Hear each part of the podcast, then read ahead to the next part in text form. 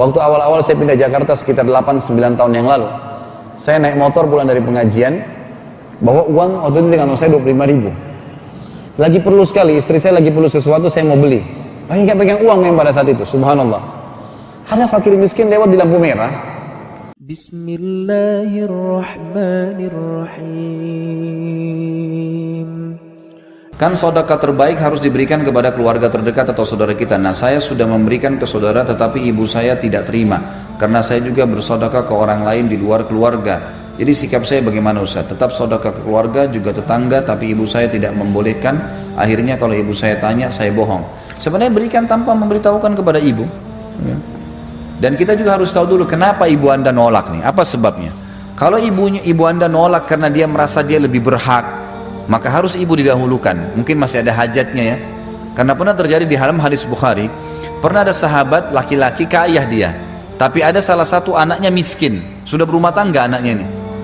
Lalu sahabat ini bawa duit kasih ke tangannya orang miskin di depan masjid Nabi. Anaknya datang ngambil uang itu dari tangannya orang miskin. Ayahnya marah, kenapa kau ambil? Dia bilang saya lebih pantas ayah. Saya sampai nggak punya makanan hari ini, kenapa? Anda bantu dia, nggak bantu saya gitu. Ayahnya lapor ke Nabi SAW. Lalu Nabi SAW berkata kepada si ayah, kau telah dapat sesuai dengan niatmu. Niat sadaqah sudah kau dapatkan. Lalu dikatakan kepada anak, kau berhak menikmati itu. Hakmu itu ambil uang. Berarti memang di sini orang yang terdekat lebih pantas dibantu, gitu kan? Dan ingat, bantuan itu jauh lebih besar pahalanya kalau terfokus menyelesaikan masalah. Misal, saya punya zakat mal 10 juta rupiah. Ada 10 orang tetangga yang miskin, ya ada empat orang di antara mereka punya utang 2 juta setengah, 2 juta setengah, masing-masing 10 juta. Mana lebih baik saya bagi masing-masing sejuta, tapi masalah mereka belum selesai, atau saya fokus empat orang selesai empat orang masalahnya, yang empat orang selesai masalahnya, itu lebih afdal. Ini, karena clear, dia sudah selesai dari masalah pada saat itu. Lebih baik daripada kita pecah-pecah zakat di sini 10 ribu, 10 ribu, 10 ribu, atau 100, 100 ribu. Lebih baik satu orang terlilit utang lunas utangnya, bebas hidupnya. Itu lebih afdal kata ulama. Jadi di sini kita lihat masalahnya ibu anda kenapa nolak nih? Mungkin dia rasa dia lebih perlu kan gitu. Tapi kalau misalnya memang hajat ibu sudah terpenuhi, maka anda usah bicara sama ibu, kan gitu. Kalau ditanya apakah kau bantu lagi tetangga? Ya secukupnya. Untuk apa bantu gini? Ya sudah nggak usah bantah, gitu kan? Nggak usah dibantah, diam saja, gitu kan? Dan lain kali lakukan nggak usah diberitahukan. Dan memang sama orang tua pun lebih baik kita tidak menceritakan. Kita tahu banyak orang alokasikan zakat malnya di Ramadan, ada zakat fitrah, ada pahala membuka puasakan orang, ada sodokah secara umum lah, gitu kan? Ada satu hal yang saya ingin titik beratkan, Bapak Ibu sekalian, yang saya ingin titik beratkan begini. Persepsi tentang harusnya kita menabung banyak di tabungan ganti sekarang dengan banyaknya bersodokah. Perhatikan ya, kita kan kapan rekening saya 10 juta, kapan tambah lagi jadi 100 juta, kapan satu miliar, nggak selesai-selesai, begitu mati nggak ada yang diamalin. Kalau bapak ibu meninggal, kondisi rekeningnya satu miliar, dua miliar, nyesel nyesel luar biasa. Kenapa saya nggak bangun masjid? Kenapa saya nggak habisin untuk fakir miskin? Nyesel tuh. Sodakah biasakan, karena memang Allah Subhanahu Wa Taala selain memang perintahnya kita disuruh bersodakah, juga Allah gantungkan rezeki bertambah justru karena sodakah. Hadis riwayat Bukhari berbunyi, hadis Qudsi. Kata Nabi SAW, Allah berfirman, Yabna Adam, wahai anak Adam, anfik, anfik alaih bersodakah dulu untukku, berinfak di jalanku, aku akan berinfak kepadamu. Jadi ternyata dengan memberi datang, memberi datang. Para sahabat itu tidak pernah membiarkan di rumahnya mereka makanan nginap. Ada harta, bahkan Abdurrahman bin Auf, Abdurrahman bin Auf radhiyallahu itu pernah dapat keuntungan satu peti emas, gelisah dia nggak bisa tidur. Lalu dia sodakahin semua malam itu, habis. Besok datang dua peti. Sodakah lagi, besok datang tiga peti. Sampai menjadi miliardernya sahabat gara-gara sodakah dan bersodakah ini selalu memberikan untuk Allah yang terbaik. Kalau bapak ibu lagi makan di rumah makan padang misalnya kalau mau sodakahnya maksimal beli makan 30 ribu atau 50 ribu enak, nyaman. Sebagai bentuk syukur beli dengan nilai yang sama bungkus kasih fakir miskin di jalanan. Itu luar biasa tuh. Seimbang antara nikmat Allah dengan yang kita kasih itu terus tuh ngalir tuh itu banyak fakta lapangan coba praktekin sodaka datang tuh sodaka datang itu pasti Jangan pernah khawatir tentang masalah itu.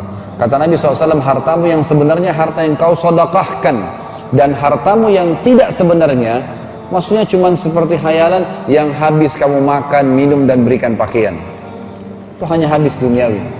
Tapi yang kamu sedekahkan itu seperti investasi akhirat. Dan ingat, berikan Allah yang terbaik akan datang yang terbaik. Jangan Bapak Ibu bilang di rumah ada makanan mau rusak. Daripada rusak kasih aja orang. Kata-kata daripada ini nggak enak. Memang niatin kasih bagi dari awal, bukan daripada. Baju masih bagus, kasih. Jangan sudah sobek. Sama-sama gue dipakai untuk apa? Gitu kan? Sekarang kita tesnya. Kalau celengan masjid lewat, punya seribu baru, seribu tua, yang mana dimasukin? Hah? Yang senyum-senyum ketahuan nih. Kalau punya 10 ribu dengan 100 ribu ada fakir miskin minta, yang mana yang dikasih? Ketakutan kita itu yang harus dibalik sekarang, itu yang saya bilang. Coba kasih 100 ribu deh, jangan 10 ribu. Dengan yakin Allah akan kasih, pasti itu. Janji kok, gimana caranya? Gak mungkin, inna Allah la yukhliful mi'ad. Allah gak mungkin pungkiri janjinya. Saya pernah subhanallah, waktu awal-awal saya pindah Jakarta sekitar 8-9 tahun yang lalu. Saya naik motor pulang dari pengajian, bawa uang waktu itu dengan saya 25 ribu.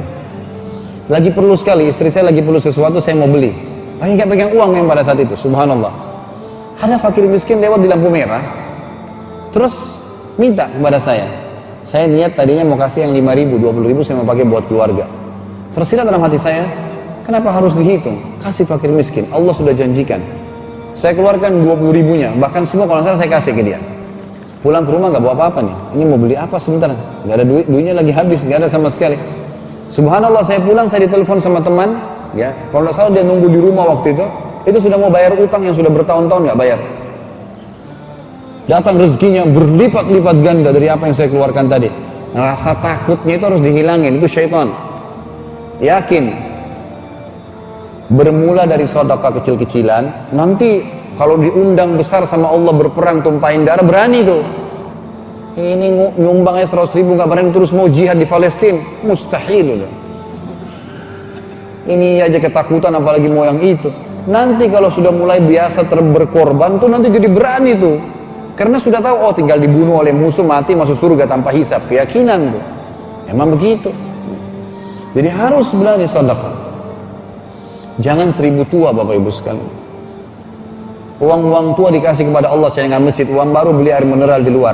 Dengan seribu tua minta apa? Kesehatan, kekuatan, keturunan, masuk surga, selamat dari neraka. Ini hamba yang luar biasa ini. Untungnya Allah maha penyayang gitu.